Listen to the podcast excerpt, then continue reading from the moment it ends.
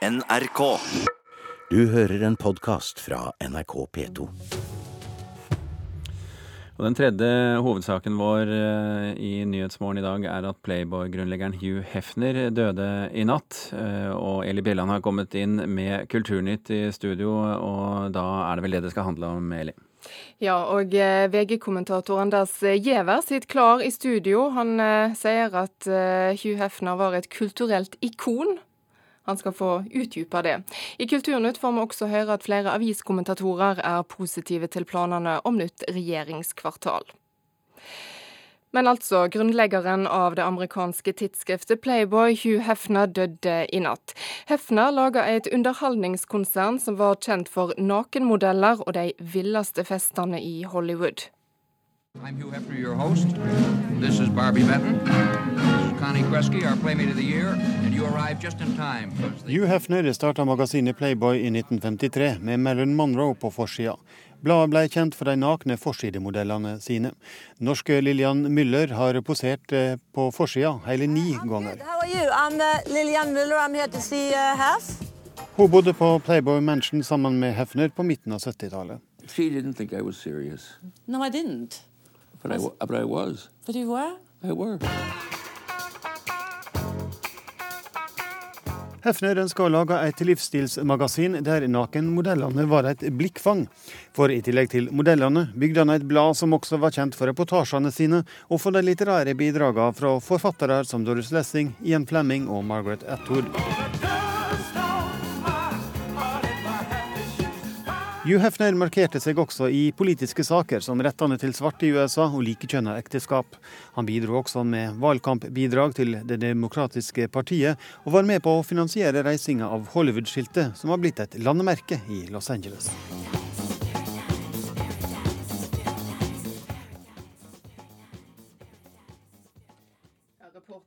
Eh, Espen Alnes. Anders Giæver, kommentator i VG og også tidligere korrespondent for VG i USA. Velkommen til Kulturnytt. Takk for det. Hva er ditt forhold til Hugh Hefner?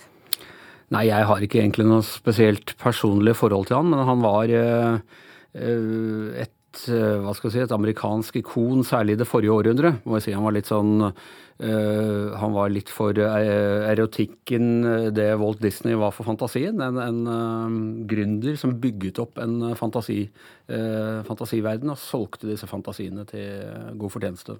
Ja, Mange kjenner Hefner som eh, en, eh, en mann som går rundt i morgenkåpe på reality-serie. Men var han mer enn det? Ja, jeg syns det er nesten litt trist å se de der siste årene når han går rundt på den eh, i realityserien i Slåbroken, for da ser han jo nesten mer ut som en, en pleiepasient.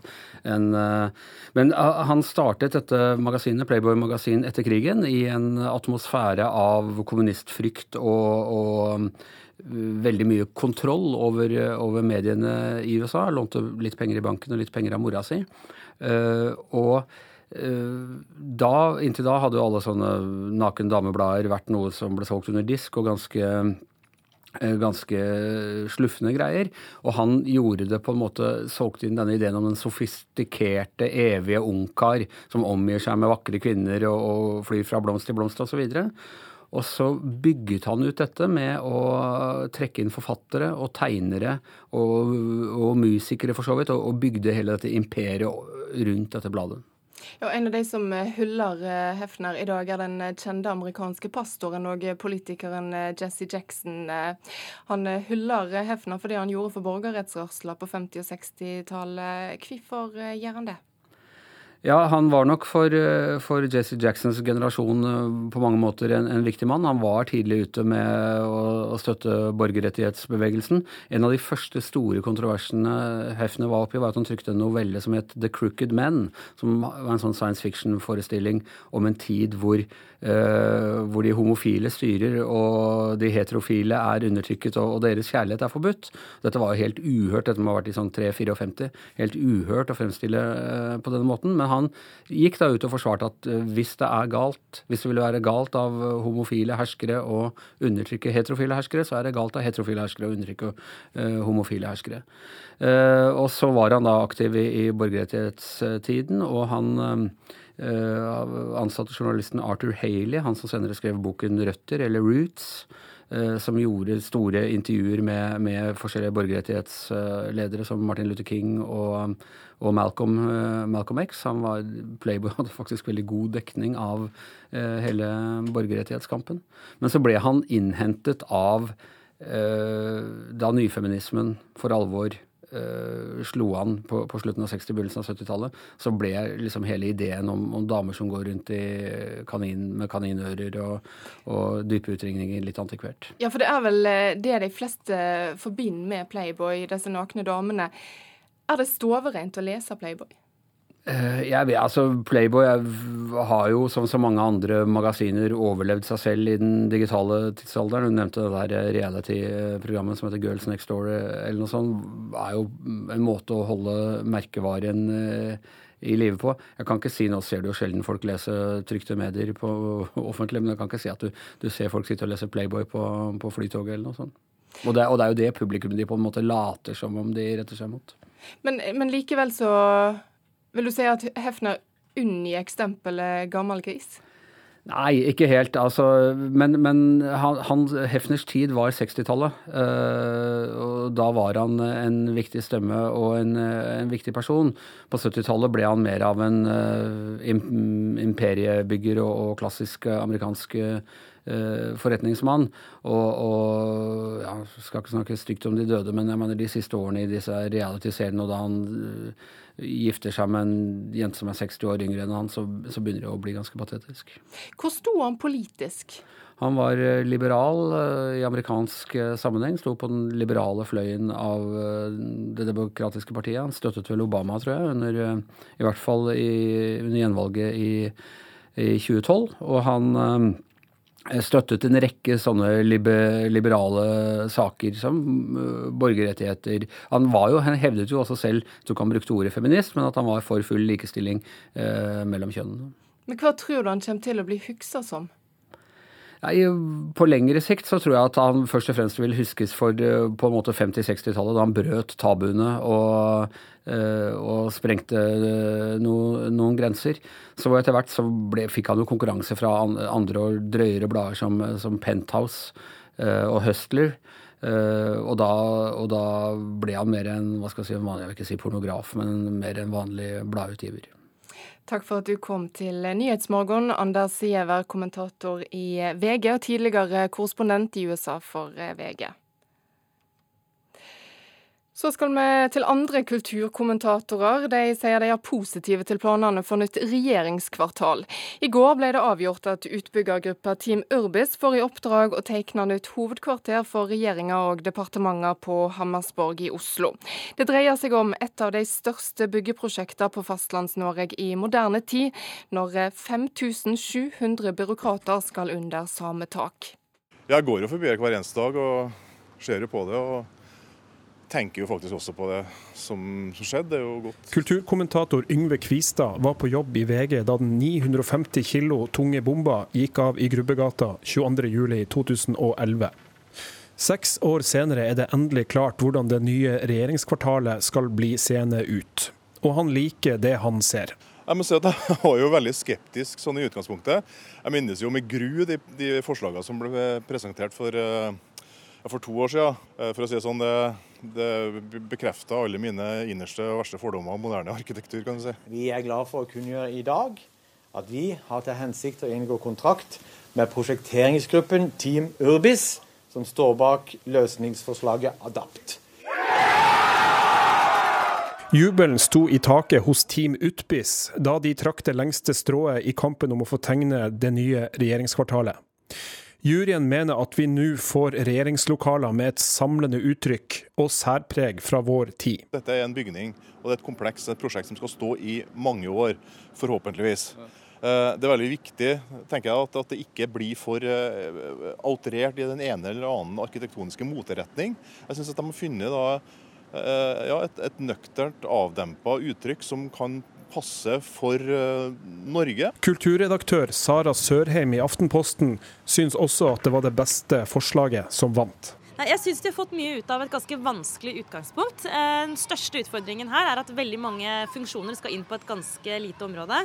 eh, og det blir tett og det blir litt massivt. Og det er en utfordring også med, med vinnerforslaget. Men hun er spent på om området kommer til å trekke til seg folk, eller om det blir steindødt der. Eh, samme utfordringen ser vi med Barcode. Når det gjelder regjeringskvartalet, er det også åpenbart en utfordring. Hva skjer etter klokka fire?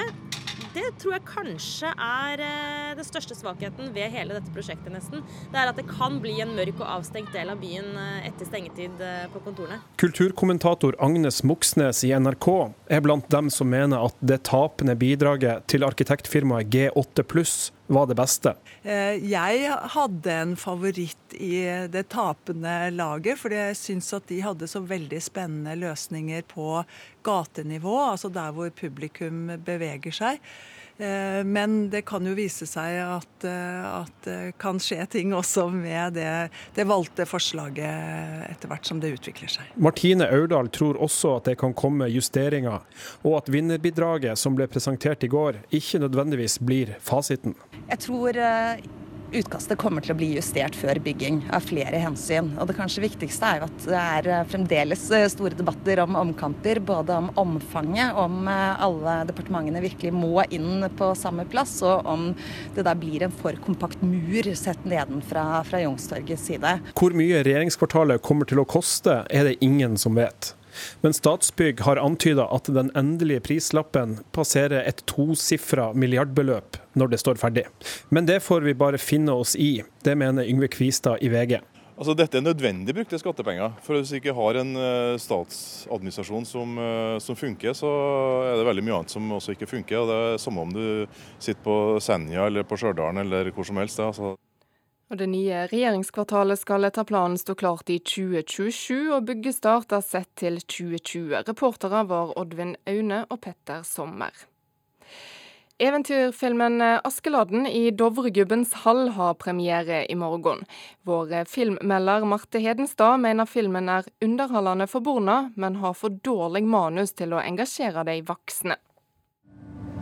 Oi, fant jeg fant. Hva fant du nå, da? Askeladd. For første gang har Espen Askeladd fått en helaftens spillefilm. Mikkel Brenne Sandemose, som tidligere har forvalta norsk kulturarv og eventyrtradisjon på underholdende vis i gåten Ragnarok, har regissert filmen. Men det svinger ikke like godt denne gangen.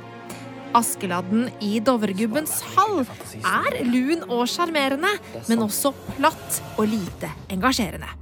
Det kjennes aldri som om noe virkelig står på spill, og dermed uteblir den helt store eventyrfølelsen. Jeg vil ikke gifte meg! Kongen befaler at du skal gifte deg med Fredrik! Det er en rekke forskjellige folkeeventyr som blandes i Askeladden i Dovregubbens hall. Her er både nøkk, troll, hulder og heks med i dansen. Som i eventyret er det prinsessa og halve kongeriket det står om også denne gangen. Når prinsesse Kristin bortføres av Dovregubben, legger brødrene Per Pål og Espen Askeladd ut på eventyr for å redde henne. Om de ikke får halve kongeriket, så får de kanskje en belønning stor nok til å redde gården til faren deres. Finnes det enhjørninger òg? Ikke vær dum. Hvorfor er det dummere enn et troll? Fordi det er helt absurd. Det er en hest med horn i panna. Storslagen natur, nasjonalromantisk musikk og trolske skoger. Askeladden i Dovregubbens hall har rammen rundt et godt eventyr på plass. Men dessverre er historien for platt og manuset for dårlig. Verken god regi eller stødig skuespill klarer å redde manuset, og resultatet er tidvis svært stiv dialog og vitser uten gjennomslagskraft. Actionsekvensene er aldri spennende nok til at jeg frykta at det ikke skulle gå bra, og jeg rekker heller aldri å bli godt nok kjent med prinsesse Kristin til at jeg bryr meg så fryktelig mye om henne.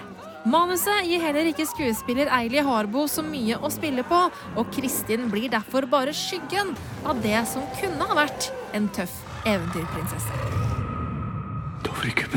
Er en gammel myte, da, vet du. Vebjørn Enger og Elias Holmen Sørensen som redder filmen for min del.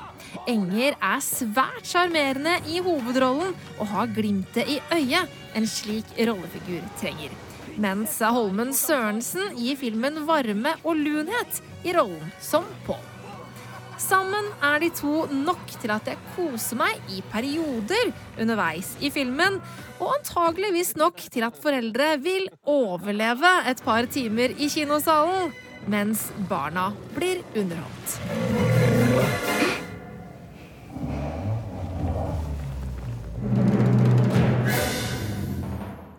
Det var Marte Hedenstad som hadde sett eh, eventyrfilmen 'Askeladden i Dovregubbens hall'. Du har hørt en podkast fra NRK P2.